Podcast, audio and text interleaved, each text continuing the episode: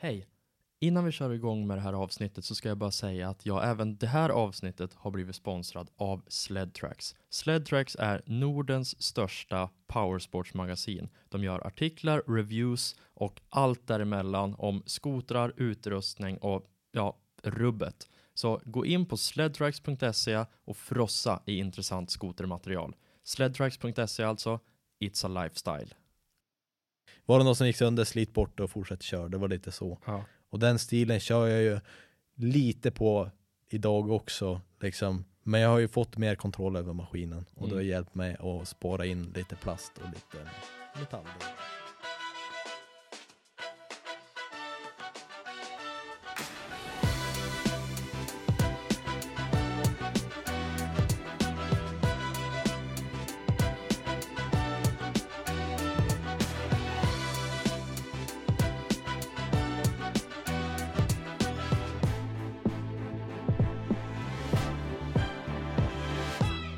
Välkommen till Snöskoterpodden och idag så känns det faktiskt lite extra högtidligt att säga hej och välkommen eftersom att det är det första tvåsiffriga avsnittet, nämligen avsnitt nummer 10. För att göra det här avsnittet lite extra speciellt så har jag valt att bjuda in ingen mindre än självaste William Falkensson. William är mest känd för sin Youtube-kanal där han minst sagt har lyckats att slå igenom, samt att han var först i Sverige med renodlade skotervloggar. William Falkensson, varmt välkommen till Snöskoterpodden. Wow, vilket intro. Det där, nu värmde det hjärtat kan jag Är det säga. så? Ja, verkligen. Det där var riktigt roligt. att Ja, höra. vad roligt att höra. Och först och främst måste jag säga bara tack för att jag får komma hit. Alltså, Det är mitt nöje. Stor ära. Och sen måste jag bara säga att du gör ett fantastiskt jobb med Skoterpodden. Jag tycker att det är jätteroligt att branschen har fått en sån här podcast som vi skoteråkare har längtat efter utan att vi vet det. Och Ja. du, tog, du tog ju det där första steget. Som, Ja, Det är riktigt bra. ja vad kul att du säger det. Ja. Jag, jag, jag tänkte faktiskt så här att när, om ingen annan har gjort det, då måste jag göra det. Jag känner nästan en plikt att göra det. Och här sitter vi, Ja, tio avsnitt senare. mäktigt. Fan, avsnitt 10. Mm. Jag tror faktiskt att det var i Alex, Alex Schulmans podcast. Då sa han att det är många som klarar av att starta en podcast, men det är väldigt få som klarar av att göra fler än 10 avsnitt. Så Mm. att förhoppningsvis då, om man ska lita på Alex Schulman, då kommer det bara rulla vidare nu. Det tror jag också. Alltså det, den där början som du har haft också, du har haft otroliga eh, Alltså jag lyssnar på de podcasterna jag har haft innan och det var jätteintressant att lyssna på dem. Jag tycker att det var man har fått som en inblick av personen bakom, innanför hjälmen liksom. Vem är personen? Och det har man fått svar på. Ja, vad roligt. Kul. Fan, nu blir jag lite varm i hjärtat också. Men hörru du, eh, det är faktiskt en hel del som har skrivit till mig på Snöskoterpoddens Instagram och frågat om jag kan intervjua dig i podden. Så det känns faktiskt jätteroligt att du är här. Verkligen, jag menar det jag säger. Tack Vad är din känsla för att spela in? Min eh, första, när, du frågade, eh, när jag fick förfrågan så var det första bara Yes! Ja, alltså det var så här, fan vad kul, vi har haft lite kontakt innan och jag tycker att du är en jättebra kille och, och det är bara roligt för mig att komma hit och prata inför folk som kanske inte vet vem jag är eller vad jag gör och, och ge folk den där inblicken som, som vem jag är och även mina tittare får komma till den här podcasten och se vad är den här podcasten och sen fastnar de för den, förhoppningsvis. Ja, vi kanske kan hjälpa varandra. Absolut, det ska vi. Vi träffades ju senast nu uppe på skotermässan i, i Rovaniemi Mm. och du sa ju där att vi, vi har haft lite kontakt sedan innan och vi, vi känner ju varandra lite halvt skulle man Mm. väl kunna säga. Men eh, vad tyckte du om mässan då? Om vi börjar där. Eh, jag tyckte mässan var väldigt intressant. Alltså jag var där, 2017 var jag där också, det var väl lite samma som där. Det enda jag tyckte var så här lite halvdåligt, det var finskan. Alltså när de presenterade RS, jag hade velat fått veta mer om, om skoten, att de tar det kanske på engelska. Ja, för, för. Lynx presenterar ju sin racemaskin där varje år, så de liksom presenterar, är det 2020s racemaskin eller är det 2021? Eh, Nej, det är 2020s va? Ja, Det är årets racemaskin. exakt. De presenterade den inför säsongen då. Ja. Men eh, för övrigt så otroligt bra, det fanns ju, det är kult, själva kulturen när du kommer dit, det är verkligen så här snöskoter och du får träffa de här åkarna som, som brinner för den här branschen och jag tycker bara jätteroligt att få träffa och prata med dem öga mot öga liksom. ja, men det är så jäkla mycket skoterfolk där uppe. Mm. Och sen så när man, när man är där som och liksom verkar i skoterbranschen eller är skoterintresserad, det är liksom, man springer ju på någon hela tiden. Ja. Det är Absolut. liksom som en eh, stor, ja det, det är ju en mässa men eh, ja, det är ju också väldigt mycket att man bara träffar folk. Mm. Men det, det, det är sådär som du säger, alltså bara att, att vara där så det, det ger mycket. Bara som en, en skoterbrinnande, eh, vad ska man säga? Individ. individ. Så det gör mycket bara att fara dit. Jag skulle rekommendera att fara dit om ni inte har varit där. Far dit i alla fall ett år. Ta med några kompisar och far dit. Nej, jag, jag instämmer. Tycker att det är skitkul. Jag tror faktiskt nu att det är väldigt många ute i skotersverige som är väldigt sugen på att veta lite mer om vem du är. Det kanske jätte, jag, antar att det är väldigt många som redan vet vem du är. Men för de som inte vet så tänker jag att vi kör en liten genomgång och vi drar igång direkt. Så jag tänker så här, vi börjar med vart är du född och vart är du uppvuxen någonstans? Jag är född på BB i Östersund, Jämtlands län. Och eh, uppvuxen fem mil utanför där i stugan. Som du kanske känner till. Ja, jag har ju fan, jag har stuga nästan i stugan. Ja. Köttsjön. Och men jag är uppvuxen där, alltså jag, jag var en sväng, vi flyttade en sväng ner till Karlskrona när farsan höll på med volleyboll ett år. Så att då var vi längst ner i Sverige istället. Men ett år senare så kom vi tillbaka upp till, till stugan då, och det är där jag har liksom vuxit upp. Hela min barndom är därifrån. Men vad gör man i stugan då, när man är i den där åldern?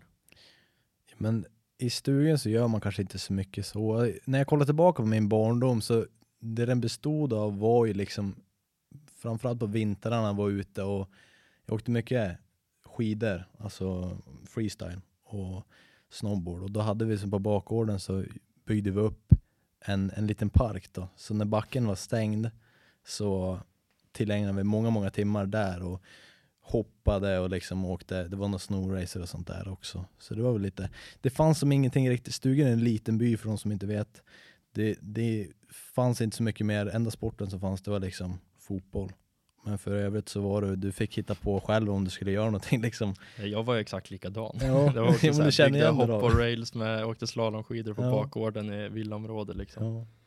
Men då känner du igen det lite det att man, och det, det tror jag faktiskt har hjälpt mig om jag ska vara ärlig, det är det som har hjälpt mig till att jag, när jag har, liksom när jag har tråkigt, då sätter min hjärna igång liksom, vad kan jag göra för kul? Det är lite Mm. så det fungerar. Löser problem bara. Exakt, man får, man får, har man ingenting att göra då skaffar man sig någonting att göra. Mm. Men eh, då, då i stugan, du pluggade du vidare efter att du hade gått klart grundskolan då i stugan eller?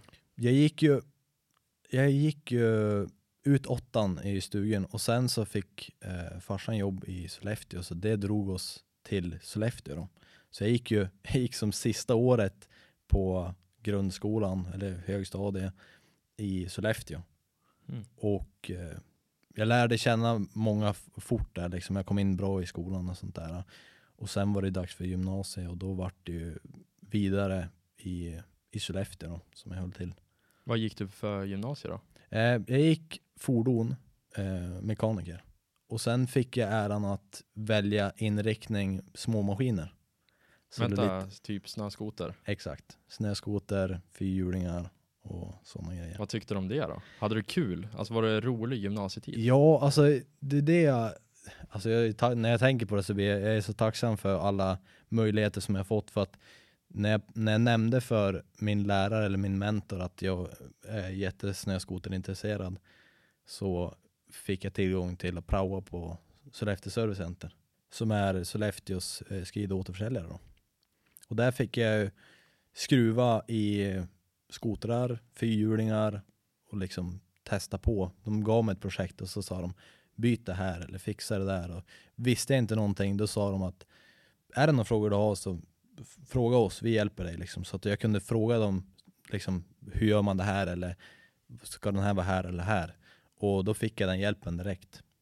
Men det här måste ha varit värsta drömjobbet då när du gick på gymnasiet liksom. Verkligen. Och det här är det roligaste med hela var att när jag kom dit första gången jag kom till Sollefteå Service Center visste jag inte ens om man öppnade en kåpa på en skoter om jag ska vara. Oj, var du på den nivån? Den nivån var jag på. Jag visste inte mer än, alltså jag visste ingenting om skoter. Variator hade noll koll. Alltså det, det är det som är så konstigt med det hela. Ja. Men de har verkligen visat mig vad, vad snöskoter är. Ja. De hade ganska högt i tak också, de liksom lät dig göra lite misstag kanske. Verkligen. Alltså jag har gjort mycket misstag, det har jag gjort. Men Och- inte på några kundmaskiner då måste vi nej, nej, utan de projekten jag fick var ju liksom, till att börja med så var det inte alltid kundprojekt jag fick, utan jag fick som grej som de hade liggandes, liksom, som jag, jo men gör det här, de visste kanske inte vad de skulle ge mig för jobb. Och utifrån det så har jag fått lära mig. Jag har gjort misstag mot kundmaskiner då, men det har ju, det har ju löst sig. Eh, det kommer tillbaka väldigt fort. Och, men jag är tacksam för all hjälp jag fått av dem. Liksom. Ja, det verkar ju vara en väldigt bra väg in i liksom skoterbranschen. Mm. De har hjälpt mig otroligt mycket genom åren. Och det är jag tacksam för. Kul. Har du haft något annat jobb då? För det där var ju liksom, det där var ju bara praktik. Vad, vad gjorde du direkt efter gymnasiet? Dagen efter jag tog studenten, då var jag tillbaka dit. Vi pratade om det veckan, jag tror det var veckan innan jag skulle gå ut. Och så, då frågade ju Per mig, chefen där, då, liksom, vad ska du göra nästa vecka? Typ. Och då, Mm. Det var så jag som en väg in i Sollefteå Service Center. Så han erbjöd mig jobb då och då tog jag den chansen. Då. Så att direkt efter eh, studenten så klev jag in i arbetslivet och jag var, jag var där liksom och jobba på som vanligt direkt efter. Ja, Absolut. för då, då hade du liksom ändå fått en bra utbildning Ja, medan du gick verkligen. i skolan. Och sen att jag fick utbildningen just där också och deras kultur och liksom hur de tar hand om kunder och deras kund, eh, deras sätt att, att ta hand om kunder har hjälpt mig utöver liksom kundkretsar och liksom hur man tar hand om folk och liksom bara den biten är otroligt lärorik för mig. Mm. Men hur kom du, alltså hur vart du ens intresserad av skotrar då? För du sa, du kunde inte öppna en kåpa när du kom dit och började praoa, men du pluggade mot små maskiner och skotrar. Liksom, Mm. var, vart kommer skoterintresset ifrån? Skoterintresset kommer ju egentligen från eh, min barndom. Alltså redan när jag var sex år, eller sex år, när jag var sex dagar gammal så var jag ute på min första skotertur. sex dagar. Andas lite tvåtaktsrök. Ja, i januari. En Ja. varm, fin vinterdag. Något. Nej men det, var, det är lite där, alltså skoter har alltid cirkulerat runt familjen. Vi, farmor och farfar har ju, de bor ju uppe i fjälls, alltså bokstavligen en mil ifrån deras närmsta granne. De bor liksom mitt uppe på fjället. Så att när vi har varit där då har vi fått kört skoter på inägnat område och sånt där. Eh, Så det är väl där jag skulle kunna säga att snöskoteråkning för mig har vuxit liksom. Fick börja liksom att träna lite själv, avskilt från alla andra. Exakt. Vad började du köra med för skoter? Eh, min, eh, vad jag började köra med var en switchback 600. Oj, Mm. lämplig barnskoter. Mm. ja. Nej men det, det var liksom, det var ju farsans skoter. Men jag fick börja med att sitta där och, och styra och sånt där och sen så fick jag kliva på direkt. Och Jag kommer ihåg det när jag tryckte på gasen och, och det var såna här högar efter. Det var det jag tyckte var fränt liksom. Ja vart här spinnet och så Ännu en gång, det var väldigt lik varandra. Man åkte samman, kollade Ja. bakåt och såg liksom, åh jävlar vilken hög det blev. Då kommer man ihåg polaren hade någon eh, skoter med högkamsmatta. Ja. Åh jävlar Och vilka hö, högar. högkamsmatta Ja. då, det var så här 22-32 Ja, millimeter. typ, exakt. Det var en 32 millimeter han hade. Ja. Ja, det är så jäkla roligt. Men eh, vad, vad jobbar du med nu för tiden då? Nu för tiden är jag, alltså jag har varit sen i februari så har jag varit uppe i Jokkmokk och hållit på att renovera turbiner och generatorer på Vattenfall där. Så jag jobbar åt GE, jag är inhyrd åt, åt GE då. Eh, eller Tesmo, Sollefteå-företaget där då som erbjöd mig det här jobbet i, i februari. Och jag tog det. Okej, men Jokkmokk, vänta, du- bor kvar i Sollefteå alltså? Ja, jag bor ju, eller jag vet inte jag är ju där två dagar i veckan, en dag max liksom. Okej, ja just det, du, ja, du ligger borta på veckorna Ja. och sen så kommer du hem på Exakt. helgen typ. Men Jokkmokk av alla ställen, det är ändå en bra bit. Det är det. Det är en väldigt bra bit. Jag lägger ungefär 500 mil i månaden så det blir ganska mycket. Shit. Hur, hur fick du det där jobbet? Jag fick erbjudande, jag hade en, eh, fick kontakt med en som bodde granne där hos morsan då. Så jag och farsan hade tänkt att köra på någonting. Han hade ju liksom, han såg väl att jag var lite nere och att jag behövde lite pengar så att jag och han kom, kom i kontakt med den där och då snackade vi lite tillsammans och då skulle jag och han dit upp och jobba egentligen då. Sen fick han andra erbjudanden så att då var det jag själv som for upp dit då. Hur trivs du där då? Jag, alltså, jag trivs faktiskt bra. Jag tror att det är mycket med, med de, de man har lärt känna där som, som får det till ett sånt bra jobb som det är. Och sen, du jobbar mycket med kroppen och sånt där och det, det hjälper inför den här säsongen kan jag säga. Mm. Du får ganska mycket naturlig träning då. Ja, jo men det får man och sen, du jobbar ju som sagt med kroppen hela dagarna och, och mycket tänka liksom, kalkylera och sånt där så det, det hjälper det. Ja. Mm.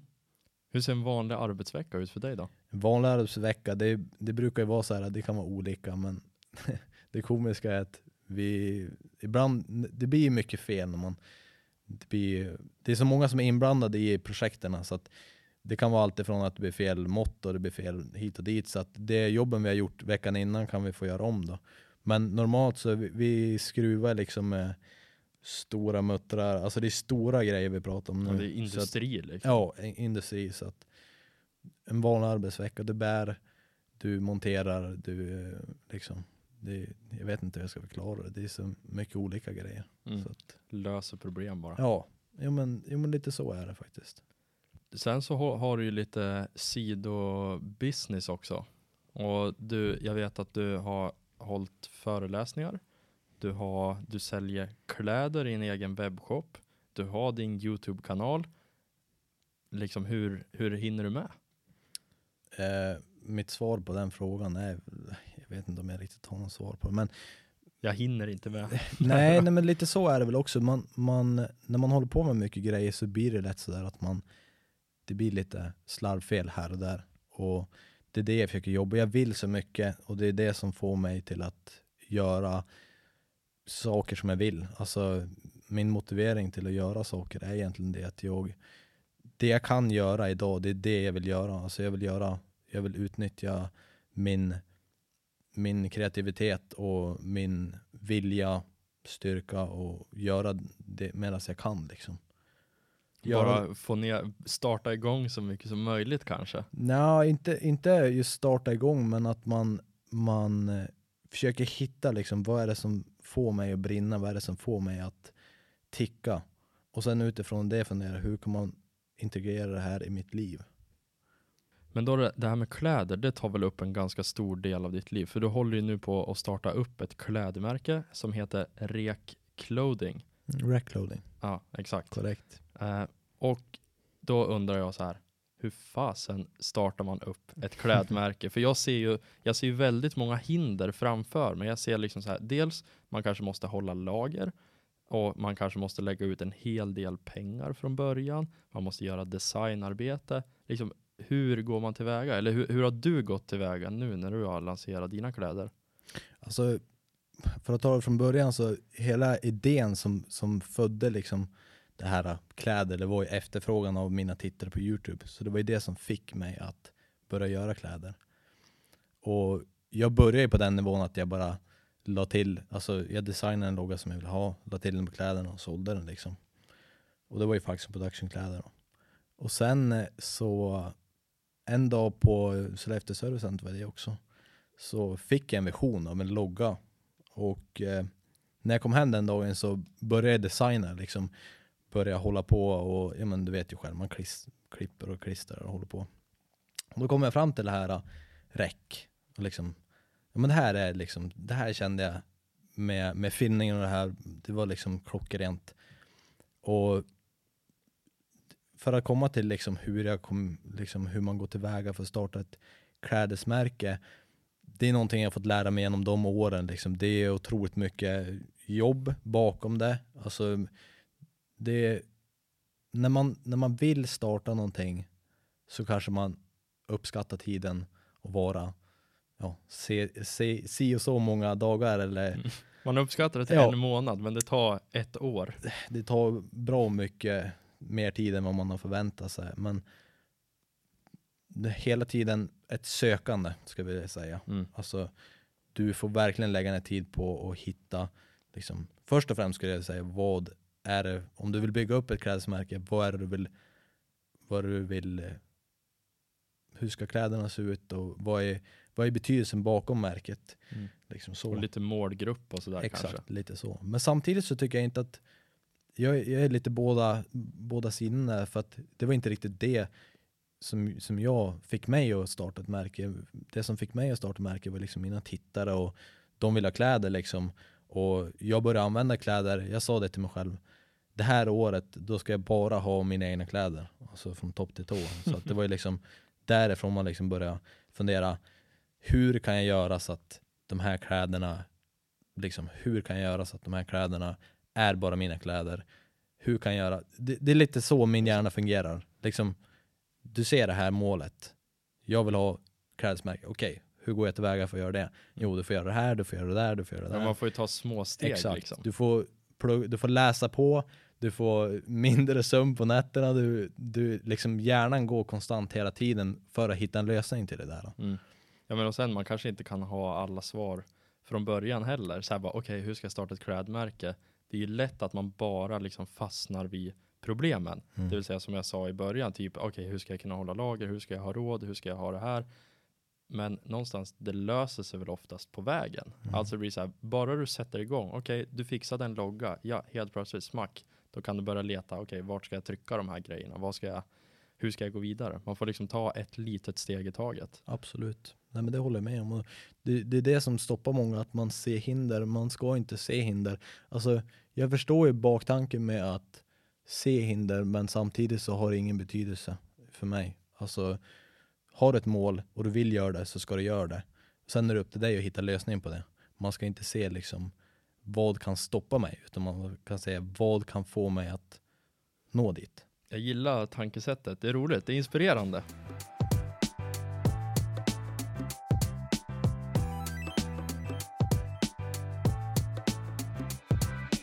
Men hur, hur gör du med kläderna? Alltså beställer du från Kina? Är det beställt från Sverige? Liksom, beställer du hem partier av liksom att du ligger med tusen tröjor på lager? Eller liksom, hur ser setupen ut?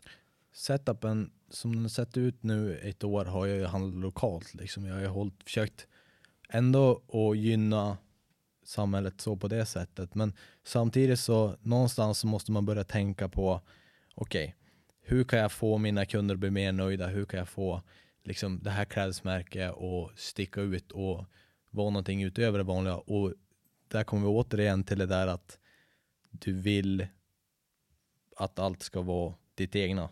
Och för att göra ditt egna så måste du gå direkt till de som tillverkar kläderna. Har du någon lagerlokal idag för kläderna eller hur, hur funkar det? Ja, morsans källare. är det så? Nej, men. Nej, men jag håller till där. Alltså, jag har ju, hon har ju stort hus och det, jag får ju hyra in mig där då. Och he, jag har hela eh, liksom källaren för mig själv. Och jag tillbringar hela sommaren till att liksom fixa upp där och göra det till mer lager, ja, lagersaldo. Det måste ju vara jäkligt roligt också. Men det är lite det också. Sen är det som du säger, det är liksom i början och jag tycker när, när jag pratar om det så här så är det lite roligt att säga att det är morsans källare. Liksom. Det är där man håller Men till. det är väl halva charmen egentligen? Ja, att det ja, är men det är lite så kä- också. källare. Och jag känner de som kommer dit, morsan har ju kunder som när de kommer dit så frågar de liksom efter mig. Och då blir det så här, bara, ja, men kom ner i källaren här, då får ni kolla på kläder. Då får de liksom se kläderna och liksom, är det här du håller till? Är det, Ja. är det här du trycker? Är det här du designar? Liksom, ja, det är här jag håller till och det är här jag gör mitt Du har jobb. ditt lilla kryp in där nere. Ja, ja men jag, jag har min man cave där. Ja. Alltså, jag, jag försöker liksom att spara, det är det också, när du, när du vill någonting så var beredd på att offra saker. det är enda sättet. Det är enda sättet, alltså du kan, du kan aldrig komma någonstans utan att offra någonting och det är känt liksom genom de här åren så har jag offrat betydligt mer än, än vad jag hade förväntat mig om man säger så. Men du gör sånt här nu på, på, alltså på egentligen, det hinner du med på sidan om ditt vanliga jobb som du, du jobbar ju borta på veckorna.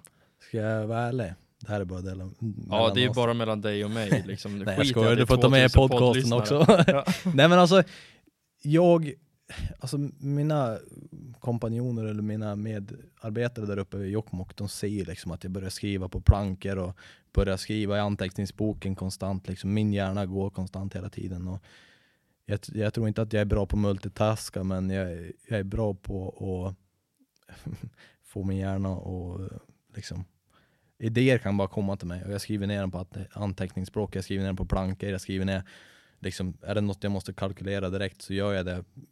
Jag har plankor som jag skriver på. Alltså det, det är konstant hela tiden och jag tror inte jag själv liksom lägger märke till vad jag håller på med, men skulle man se det utifrån att någon sitter liksom och skriver på golvet där, då skulle man nog tänka liksom okej, okay. det blir lite konstigt men det är lite, jag jobbar hela tiden. Så då skriver du ner typ affärsidéer eller siffror? Sånt du måste komma ihåg som liksom, bara liksom ploppar upp under ja, arbetsdagarna? Ja, de, det som jag måste komma ihåg det skriver jag självklart på i anteckningsboken, men är det liksom jag ska kalkylera ut, okej, okay, frakt, vad, vad kan jag erbjuda för kampanjer till mina kunder, liksom räkna ut det här och det här, ja men det här kan jag fixa liksom och göra. Det, det är mest kalkyleringar som jag kan skriva ner på det jag har, om jag inte har någon anteckningsbok så skriver jag ner det och tar kort på det. Ja, men jag, jag tycker om just det här att skriva och kanske telefon försöka använda också, men det är inte samma sak. Det går snabbare att skriva liksom för mig på papper och sånt och så blir det lite mer personligt också. Ja, verkligen. Men eh, då, då, du är borta på veckorna och sen så kommer du hem på helgen och då liksom genomför du allt som du har skrivit ner i typ anteckningsbok under veckan. Ja, Eller så jag, det ser ut. Ja, nästan. Alltså när jag kommer hem, då är det ju beställningarna som har lagts under veckan då. Som jag, som jag börjar med att liksom fixa med. Men sen det jag skriver ner är också även, det kan vara långsiktiga mål, det kan vara idéer om filmer. Så att allt jag skriver ner, det hinner jag långt ifrån att hinna göra. Liksom jag är knappt det är bara hem och så upp igen känns det som. Mm. Så att det blir, det blir lite sådär att man, man kanske inte hinner göra alla idéer man har, man kanske inte hinner liksom göra den där eh, hit och dit, men man, man gör sitt bästa och det är väl det som är huvudsaken med det hela. Ja men verkligen. Alltså man kommer ju långt bara med att bara med att göra sitt bästa som du säger. Ja, verkligen. Men eh, du håller ju i du har ju haft lite föreläsningar också. Mm. Hur kom du in på den biten och vad får en att vilja ställa sig på en scen inför hundratals människor? Nej, men den, min första föreläsning, det vart jag faktiskt erbjuden. Då ringde det upp en från kommunen och sa liksom, vi tycker du gör ett jättebra jobb. Vi skulle vara intresserade av att ha dig här. Vad vill du ha liksom? Och utifrån det så var jag så här bara okej, okay, eh, vad sa du, vad, vad, gäller det här? Ja men vi vill att du ska berätta liksom din historia och liksom hur började du det du håller på med idag? Och liksom hur har du gått tillväga? När jag fick den frågan så var det så här bara okej, okay, då börjar man liksom tänka efter. Ja men, ja men absolut, det kan jag fixa. Ja men jag, jag är på liksom. Då hade de inte sagt datum eller någonting. Liksom, då var det så här, jag anpassar mig efter det jag vill. Jag ville vara där och prata inför dem. Och när jag kommer dit så mitt hjärta börjar slå liksom så här. Jag står och repeterar liksom på kvällen innan liksom och, och pratar om eh, liksom hur jag uttalar och liksom, men du vet man kan tänka igenom, man kan sträva iväg efter liksom hur det ska låta, hur det ska se ut och sånt där. Dagen efter var det helt blankt, det var så här bara okej. Okay. Uh, nej men jag improviserar liksom, jag, jag kan inte hålla mig efter något sånt där. Så att jag, jag går upp på scen, håller min första föreläsning inför 200 personer och i mitten, jag tror det var i mitten eller om det var i slutet så, så började jag bli känslig liksom. Jag började, jag är väldigt passionerad, alltså jag har stark passion för det jag håller på med och det gör mig till en väldigt känslig person. Jag är väldigt känslig. Liksom, jag, när jag berättar det där och kollar ner på publiken så ser jag liksom tre vuxna eh, kvinnor i tårar liksom Aha, nere på, på scenen. Och när jag ser det så blir jag så här bara, och typ börjar skaka och börjar så här bara, eh, så helt men, plötsligt så är det inte bara massa huvuden utan det är personer. Man ska... Ja, det, men det blir lite så här att man, man kanske har gått igenom mer än vad man har planerat eller tänkt. Liksom. Ja, jag förstår. Alltså, ja, jäkligt häftigt ändå. Ja, det var en häftig känsla kan jag säga. Det var, och sen var det sånt där steg för sig själv också. Man tar steget utåt, man gör någonting som man är obekväm att göra. Mm. Och göra liksom. Så att. Ja men eh, det, det är ju en, en uh, annan, jag tror att det är Alexander Pärleros i Framgångspodden, han brukar säga att för att göra, eller för att få någonting man aldrig har haft så måste man göra något som man aldrig har gjort. Det är, och det är ju ett väldigt bra citat som jag ofta brukar tänka på. Eh, det är så här, bara, ja, liksom jag, jag kan inte räkna med att få någonting som jag aldrig haft om jag bara går och trampar i samma fotspår som jag alltid gör. Nej. Det kommer ingenting nytt hända. Så att det är ju liksom bara att kasta sig ut och kanske göra en föreläsning inför 200 pers. Exakt, jo men det, det kommer du garanterat få göra, det lovar jag. Och då måste det liksom, när du får det erbjudandet, då måste du liksom, i början kanske det är bara så nej men jag kan inte prata inför 200. Och sen måste du låta den där tanken smälta in. Och sen är det som att du hoppar från ett plan eller från att du liksom bungee. Bara, Ja, då är det bara att göra det. Japp, då är det bara Men liksom grunden i hela din, vad ska man säga, verksamhet eller karriär, alltså du, du är 22 år så det blir så här, ja, du, du har hunnit med väldigt mycket på väldigt kort tid. Men grunden i allt det här, det är ju ändå din YouTube-kanal. Där du har, hittills, jag kollade siffrorna innan, du har 3,6 miljoner visningar på dina, dina YouTube-klipp totalt sett. Är det Sen så många? kanalen. Ja, jag, jag Shit. gick in och kollade, det stod där som öppen statistik. Jaha. Och du har 17 600 prenumeranter på Är det YouTube. 600 där? 17 600 Åh, fy fan. prenumeranter. Sist jag kollade var det typ 200. Ah, Ja. Nej men alltså det, det växer ju. Ja. Och jag Fan, undrar då så här, okej, du är född i, eller ja, du är född i Östersund, du har bott i stugan, du är från, du bor i Sollefteå. Liksom, varför har just du lyckats bygga en sån här kanal? Alltså du är en jäkla följarskara. Det är många videoklipp där du har liksom 100 000 visningar på. Mm. Ja, varför just jag? Så här, Eh, vad, vad, vad är nyckeln från början? Har du haft någon strategi eller har du bara Nej. freestyla? så här, alltså min strategi har ju varit liksom bryr mig inte så mycket om vad andra kanske tänker och tycker. Alltså det har inte alltid varit så, men till och från så har det varit så där liksom att, men, jag, anledningen var att när jag fyllde, jag tror det var sex, 16, när jag fyllde 16, då köpte jag en GoPro till mig själv i födelsedagspresent för att dokumentera när jag körde.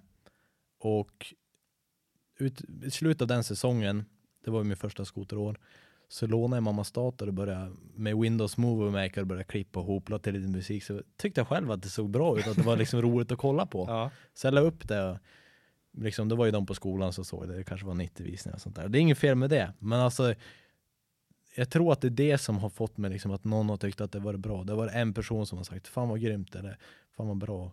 Och de har känt, så länge det är en person som älskar det jag håller på med så ska jag göra mitt allra bästa för att, för att göra det. Mm. Och det är liksom det som har varit liksom, jag är tacksam för att någon person som jag aldrig har träffat i mitt liv älskar det jag håller på med.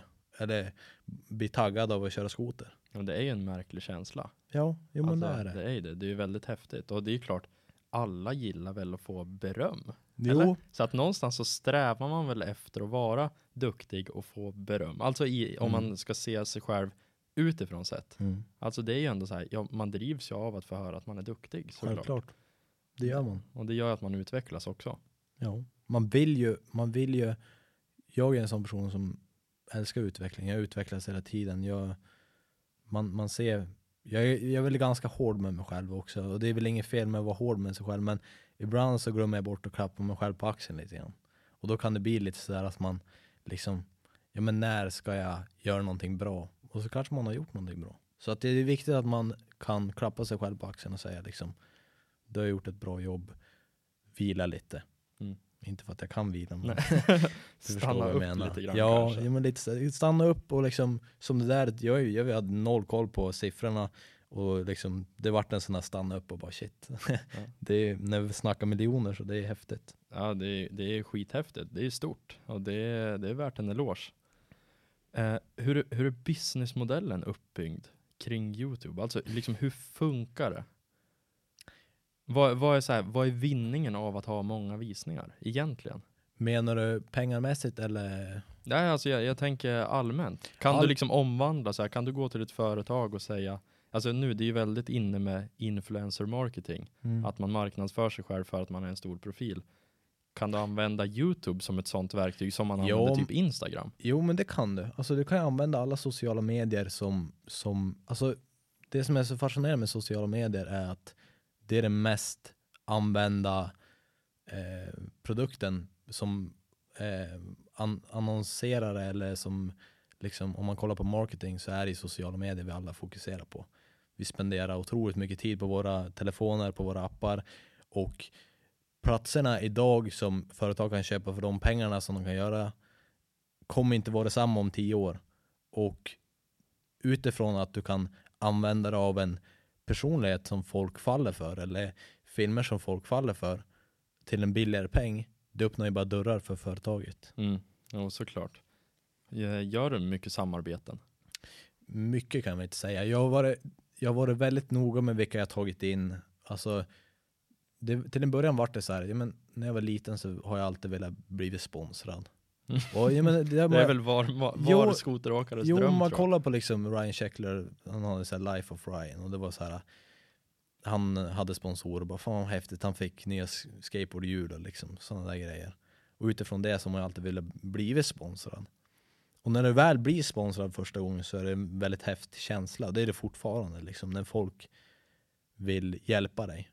Och bara, bara den där frågan liksom, vad kan jag hjälpa dig med? Du gör ett jättebra jobb.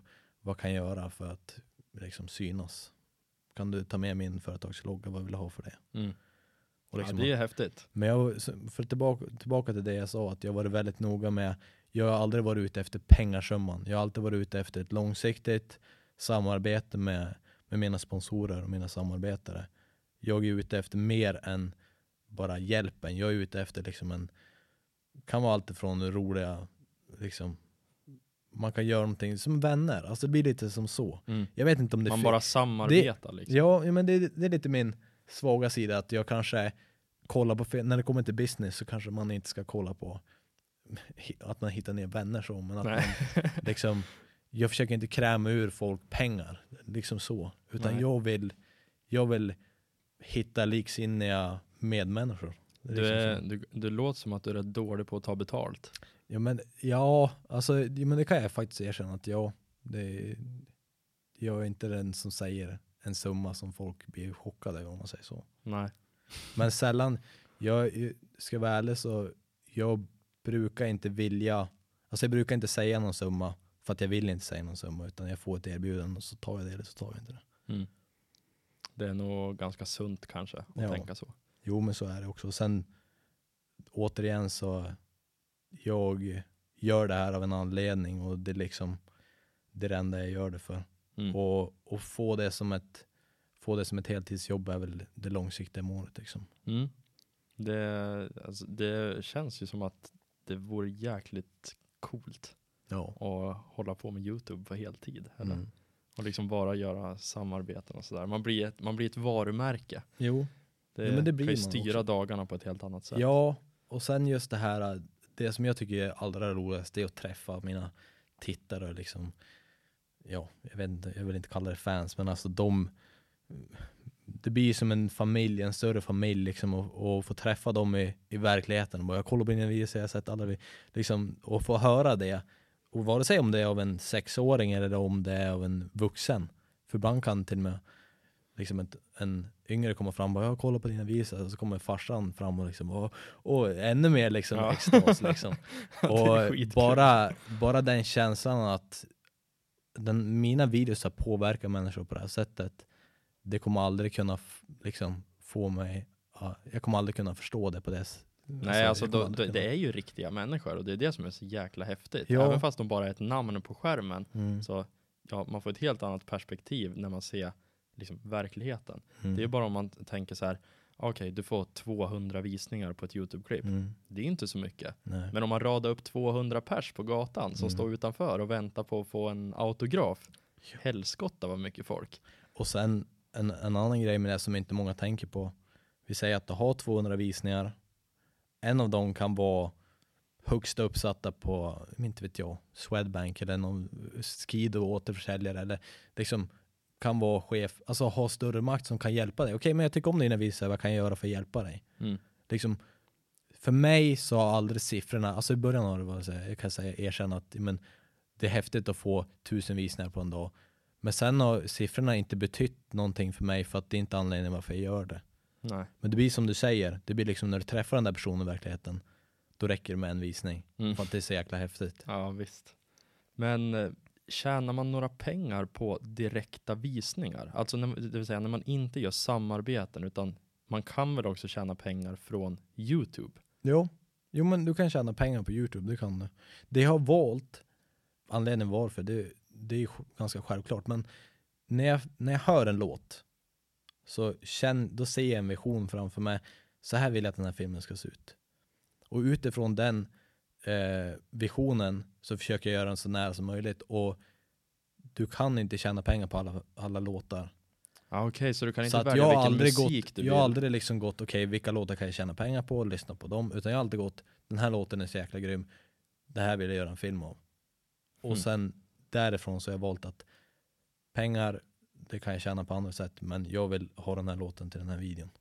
Och det har jag förlorat pengar på, det är, det är jag medveten I om. alla men fall när man gjort- hör så här 3,6 miljoner Jo, visningar. jag har, gjort, jag har gjort det misstaget kan man säga i parentes, eh, medvetet. Men du kan tjäna, för svar på din fråga, du kan tjäna pengar på Youtube, du kan tjäna du kan leva på att bara göra videos, eller du kan leva på att käka mat framför en kamera. Skulle du kunna göra det med det antalet visningar som du har? Jag, det vet jag faktiskt inte, för att det beror helt på liksom Jag vet inte vad jag tjänar per visning eller per person eller något sånt där, men det finns ju någon sån här äh, statistik där du kan räkna ut utifrån hur många visningar har, hur mycket du tjänar.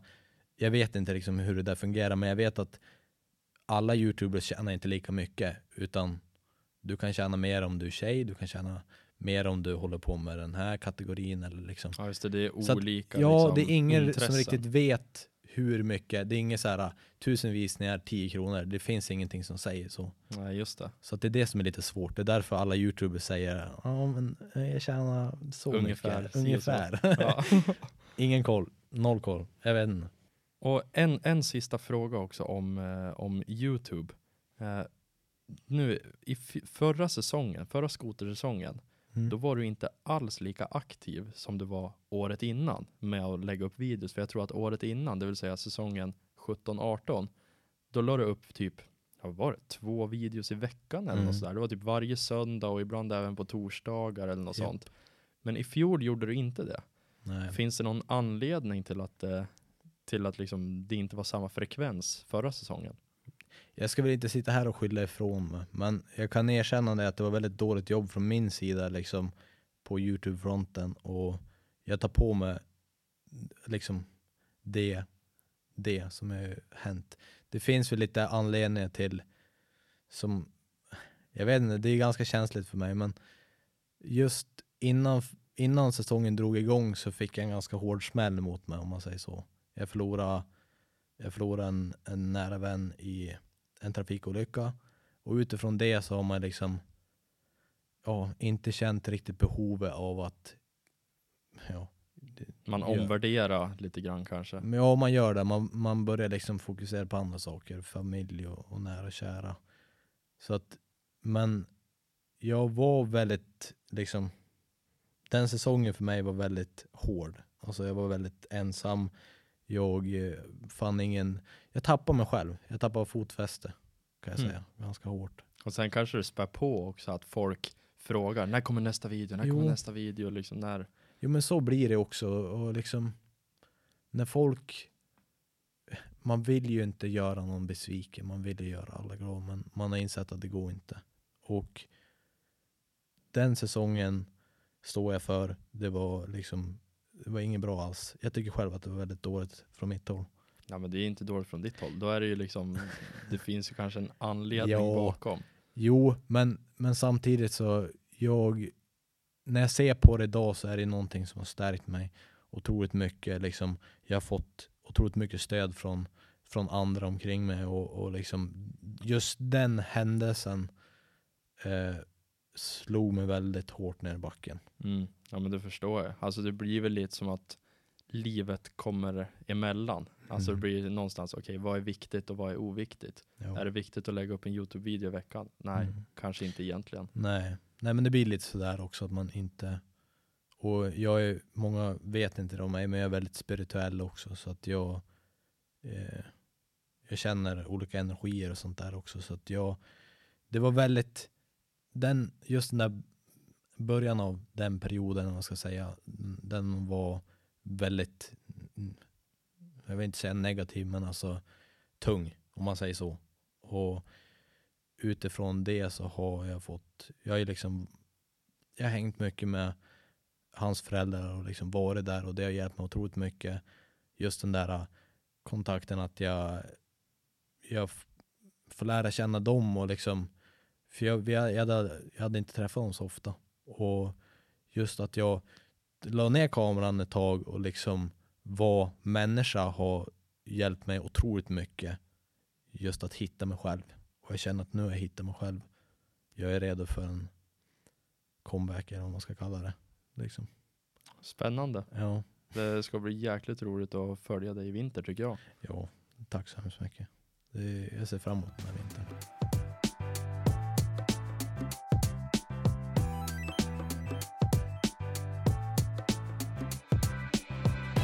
Men en annan business som du håller på med, det är, du har ju också en podcast.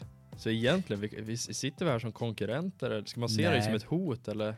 Nej men det, det tycker jag inte. Alltså det här är ju återigen till det jag sa till dig lite tidigare. Jag tycker att, speciellt inom skoterbranschen, nu är inte min podcast inriktad på snöskoter, men Nej. Ja, för, de, för de som inte förstår, jag, jag skojar alltså. nej han gör inte det. Han sitter här med pistol och hotar Ja, exakt. Pistol, pistol och kniv. Eh, nej men det, det var en sån här rolig grej liksom. Man, jag lyssnar på, jag brukar inte lyssna på podcast, men när jag började göra det så vart det så här bara, ja men det, jag, jag skulle också vilja testa på. Alltså jag är så här, jag är i en testperiod. Jag testar på olika saker, funkar det inte så funkar det inte. Och det är lite det som har fallit mig inför liksom podcast, ja. Det är, det är folk som tyckte om det. Mm. Men eh, där, vad har du för inriktning på din podd? Jag är väldigt bred som vanligt. Jag är väldigt tankespridd. Jag är väldigt brett. Det är liksom mest bara så här. Har du lite att göra, har du lång bilfärd eller ja, då kan du bara lyssna när man sma, liksom snackar om olika saker. Det kan vara allt från en händelse, det kan vara allt från personer, det kan vara allt från liksom upplevelser man har upplevt själv. Storytime eller vad man brukar kalla det. Ja. Så, Så det, det- det är väldigt brett liksom? Ja, det är väldigt så här. Vad som helst. Ja, det är väldigt olika. Är Ja, väldigt kul. viktigt.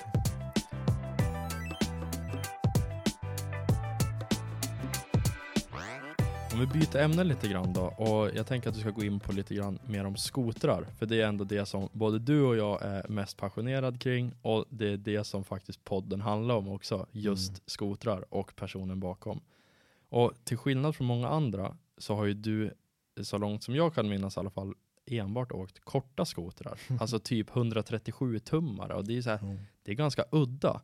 Och de här skotrarna som du har kört, de är väl inte i grund och botten helt anpassade för lössnökörning, även fast det är det som du har ägnat dig åt i dina YouTube-videos.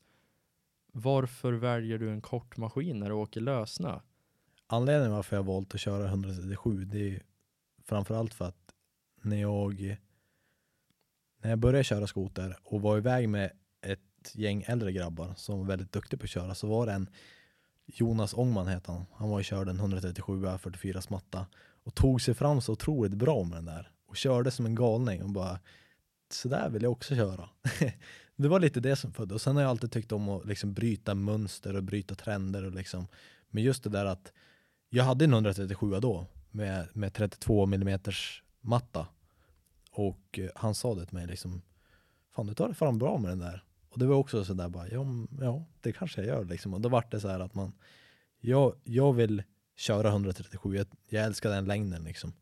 Och lite för att bevisa också så här, det går. Ja exakt, men lite det att liksom kan jag ta mig fram en 137 kan du ta mig fram en 163 Det blir extra pinsamt då om du tar det längre upp i, i backarna jämfört med en som har typ en 163. Det är det som är roligt Erik, Ja. det är det som är det kul är det som är hemligheten. Den Så det är egentligen svaret på frågan då? Ja, Det är det- anledningen till det att du åker en anledningen. 137. Och jag vet att någon från BRP kommer lyssna på det här och ni måste börja ta in 137 freerain. Börja ta in dem, jag, jag måste ha en sån. Ni Ja, kan inte... de, finns de, i, de finns i 154 och sen Ja. så finns de i 146. Jo. Eller finns de i 165 också? Eller bara Nej. summiten? Nej, inte 165. Det är Summit-modellerna. De, Ja. har, de, har ju, de har ju 137 men de tar inte in dem i Skandinavien. Jag vet inte. Ja. BRP, vad, vad händer? Skäms BRP. Ja, Ja, nej, alltså ta in 137 snälla. de, är, de, är, de är faktiskt jäkligt häftig. Jo. Och särskilt, alltså egentligen, det är ju väldigt ofta, i åtta fall av tio så behöver man inte ha en, en 150 tums maskin Nej. i Sverige. Nej, och sen det är lite det jag liksom försöker få, liksom, ja, jag försöker inte få folk att köpa, men de, när de ställer den frågan, nej, men varför kör du så kort skoter? Jag för att jag kan ha kul året runt. Även fast första månaderna så får jag typ ha mina lungor utanför munnen, alltså du får ju anda, du, du får verkligen testa din kondition. Men just det där att du kan, ha, du kan köra lösning med en 137 och du kan hoppa med en 137. Du kan mata led, du kan liksom, det finns ingenting som du kan skylla på. Liksom, det är bara att Nej, köra. det är bara hållstumt. Ja, liksom. jo. Men om man kollar på dina tidigare skoterval, liksom, om man kollar tillbaka lite grann i tiden.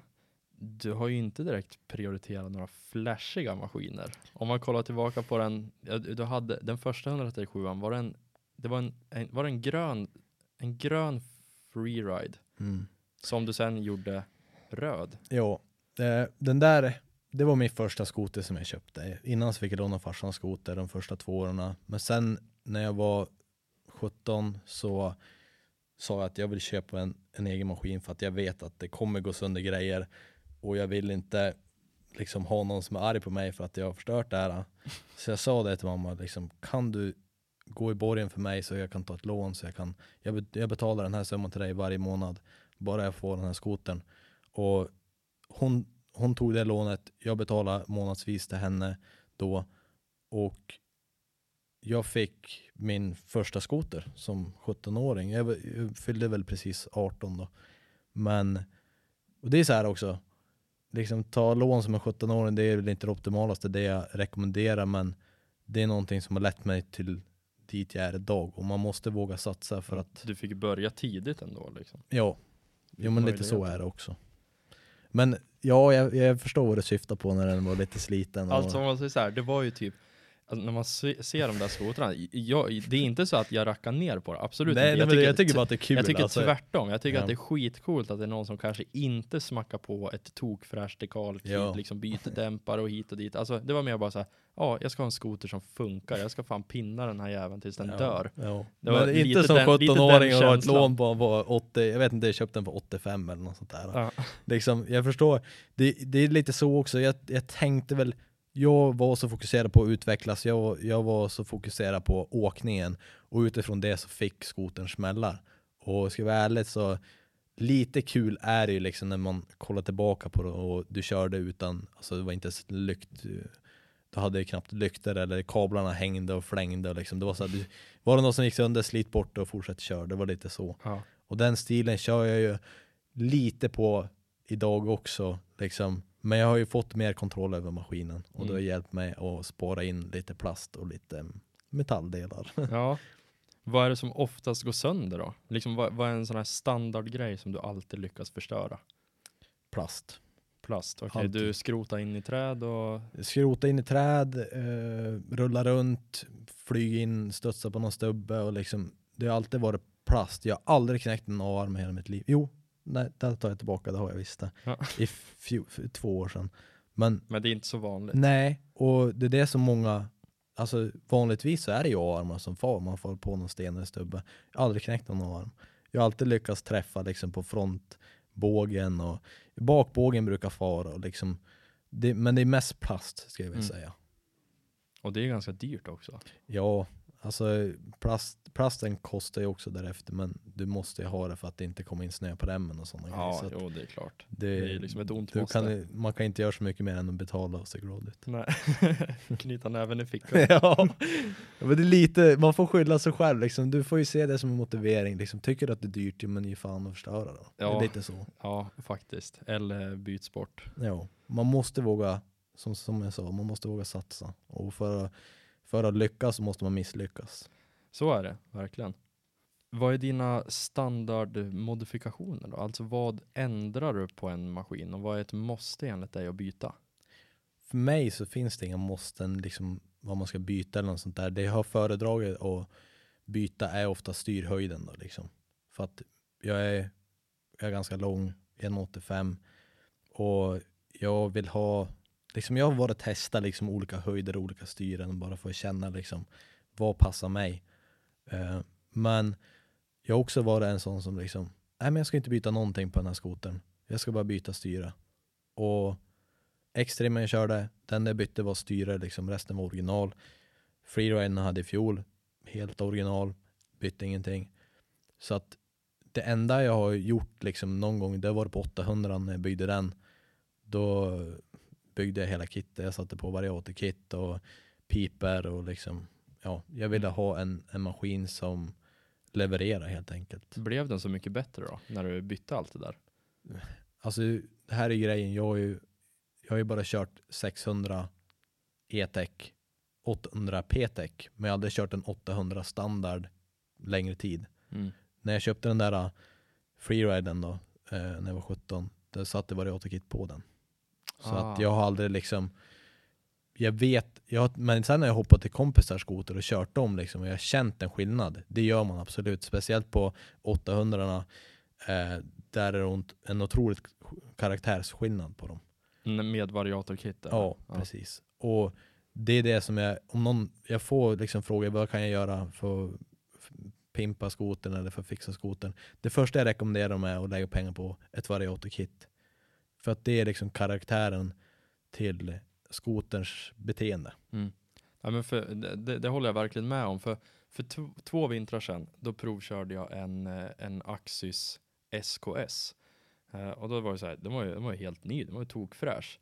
Men det var någonting, alltså den var så snäll i variatorkittet så att det var liksom, du var tvungen att hålla in gasen i kanske en, två sekunder innan du fick liksom den här riktiga effekten. Mm. Sen så nu i fjol vinter, då, då köpte jag min egen Axis Pro RMK som då hade variatorkit.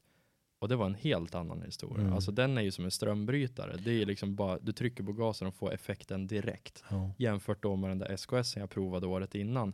Som var lite så här, ja den var jättesnäll och lugn och fin att köra. Men den kändes väldigt trött också. Så Mm. att jag håller verkligen med det där. Variatorkit, det är Ja. att föredra om man vill ha en helt annan skoter. Jo, för när skotrarna kommer i paket så är de kalibrerade för så stor mängd personer som möjligt.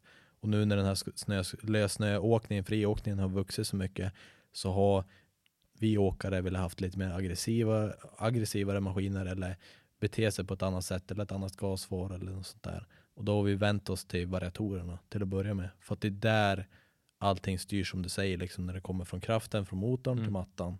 Och det är lite det som, som variatorkit gör. Nej, men då det känns ju som att inne i skogen när man håller på och bökar runt, man har ju inte riktigt tid att vänta på Nej. effekten. Man Nej. måste ju ha effekten direkt när du trycker in gasen. Ja, det, det är det som är lite fascinerande med, med friåkningen för att du har de här, vi snackar hundradelar av, jag lever mycket på reflexer när jag kör, men alltså just det här att planera, liksom, går det, du, du tänker mycket mer än vad du kanske tror, men det har mycket med det där som du säger att nu vill jag kraften eller nu vill jag bromsa eller liksom, allting är nu, direkt. Nej, allting och sen när det är träd runt omkring också, Mm. det är ju, ja det är inte många centimeter eller decimeter ifrån att hela tiden krascha. Nej. Så det blir så här, varje litet misstag, ja då kanske det ryker en kåpa Mm. som det gör för dig x Ja. antal gånger per säsong. Exakt, men det, det är sånt man får leva med, men det är otroligt kul. Ja, det är så Och- jäkla kul. Det är också en grej jag kommer testa. I vinter kommer jag testa Diablo Variator-kitten. Och det är väldigt stoked about. Alltså, både på 800 och 850. Så att där tror jag, för det, det är något, jag kommer att samarbeta med Diablo år och de, de gav ett kit till mig som jag kommer testa. Och jag kommer börja sälja, eller jag kommer inte börja, jag säljer deras kit på min hemsida. Så att jag kommer göra Youtube-videos och prata om det här kittet också. Där kommer jag prata mycket om vad variatorerna betyder för maskinerna idag också. Och sen då kanske du kan ge en ärlig liksom, Exakt. review också. Det- Så här, det- Okej, det här är skillnaden. Det där är, som jag sa när jag kommer gå tillbaka till sponsorer och sånt. Jag är ärlig och det säger jag till sponsorer. Ni kommer aldrig kunna ändra min åsikt om någonting. Oavsett om det är pengar eller vad det än är. Jag kommer vara ärlig för att tittarna för mig, de betyder så otroligt mycket. Och jag vill, när jag säger någonting liksom, det här är bra, då menar jag det från hjärtat. Att det här är någonting som jag verkligen tycker är bra.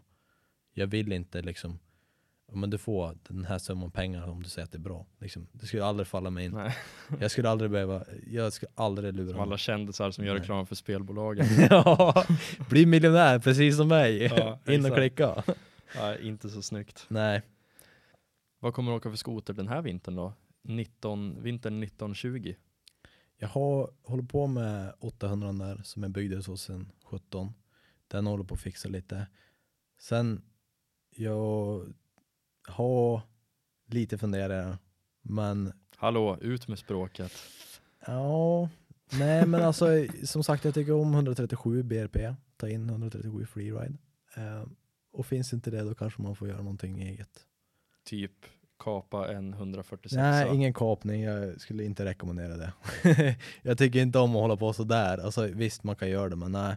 Jag, eh, då får jag köpa något liknande och bygga om något. Så att det blir en freeride som ett ish. Okej. kanske. Men så det, du kommer alltså, om jag då ska läsa mellan raderna, då kommer du alltså bygga om en freeride 850 så att det blir en 137 tums. Kom igen, är exklu- ganska nära. Exklusivt material. Men nu ingenting är stämplat så att jag kan inte säga någonting än. Jag, jag säger ingenting. Men planen. Planen är kanske någonting åt det hållet. Spännande! Fan vad exklusivt material vi får. Ja, men det är självklart. Allt för podden. Exakt. Hörru du, eh, vi börjar närma oss slutet. Nej, Av- säg inte så. Intervjun. Jag hade så kul. Tycker du det? Ja, det här har varit supertrevligt och återigen tack. Alltså, jag hoppas verkligen att många av mina tittare kommer hit och ni in och lyssna. Men eh, återigen, du gör ett otroligt jobb med det här och jag ser fram emot att lyssna på alla podcast framöver. Alla som har varit har varit otroligt bra och jag hoppas att de kommer tillbaka några år senare också och kanske kör någon update. Ja, alltså. Eller fasen- snäll kanske dra en double backflip, Ja, kanske. Jag, har faktiskt pratat med henne om Ja. att återkomma i podden. Ja. Men eh, ja, det var ju tanken att jag skulle säga att det, att det här har blivit värsta grymma avsnitt, avsnittet. Ja. Jag är ju skitnöjd. Nöjet nu överraskar du mig med massa positiva grejer ja, istället. men nöjet är på min sida, jag tycker det har varit superkul. Ja, jag tycker verkligen. nöjet har varit på min sida. Men, Vi har Ja. det på varsin sida då. ja, det är bra. Det är ömsesidigt. Ja. Eh, man blir ju minst sagt inspirerad av dig. Så om man skulle vilja komma i kontakt med dig, hur gör man då? Vart kan man följa dig? Eh, jag har en hemsida, faxon.com och så är recloading.se.